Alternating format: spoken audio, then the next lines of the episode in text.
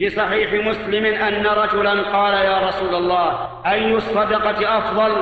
وفي لفظ أي الصدقة أعظم أجرا؟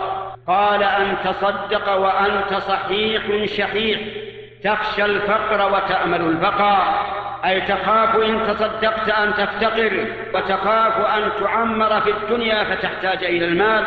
يقول عليه الصلاة والسلام أن تصدق وأنت صحيح شحيح تخشى الفقر وتأمل البقاء ولا تمهل أي لا تتأخر حتى إذا بلغت الحلقوم أي بلغت الروح الحلقوم قلت لفلان كذا ولفلان كذا أي تصدقوا على فلان بكذا وفلان بكذا وقد كان لفلان أي قد كان لفلان الوارث. وصدق رسول الله صلى الله عليه وعلى آله وسلم إن الصدقة في حال الصحة أفضل لأنها صدقة من شخص يخاف الفقر ويأمل البقاء فهو شحيح بالمال لذلك بخلاف من جعل تنفيذ المال بعد يأسه من الحياة وانتقال المال للوارث.